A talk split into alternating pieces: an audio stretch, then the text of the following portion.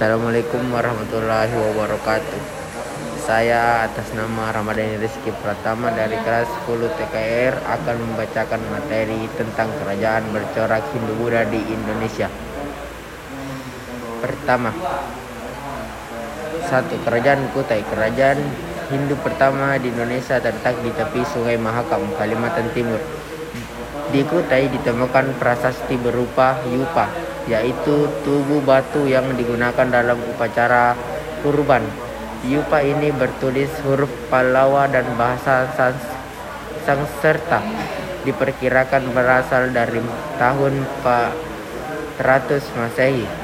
Dalam Yupa diterangkan mengenai silsilah raja-raja Kutai.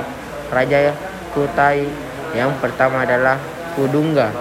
Nama ini diperkirakan asli orang Indonesia. Kuduga mempunyai Kuduga mempunyai putra yang bernama Aswawarman.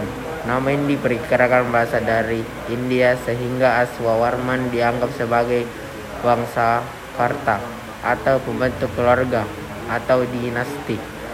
Selain itu ia juga dijuluki Asuman, Ansuman atau Dewa Matahari. Oh, pemanasan pemanasan. Dengar dulu deh, dengar dulu.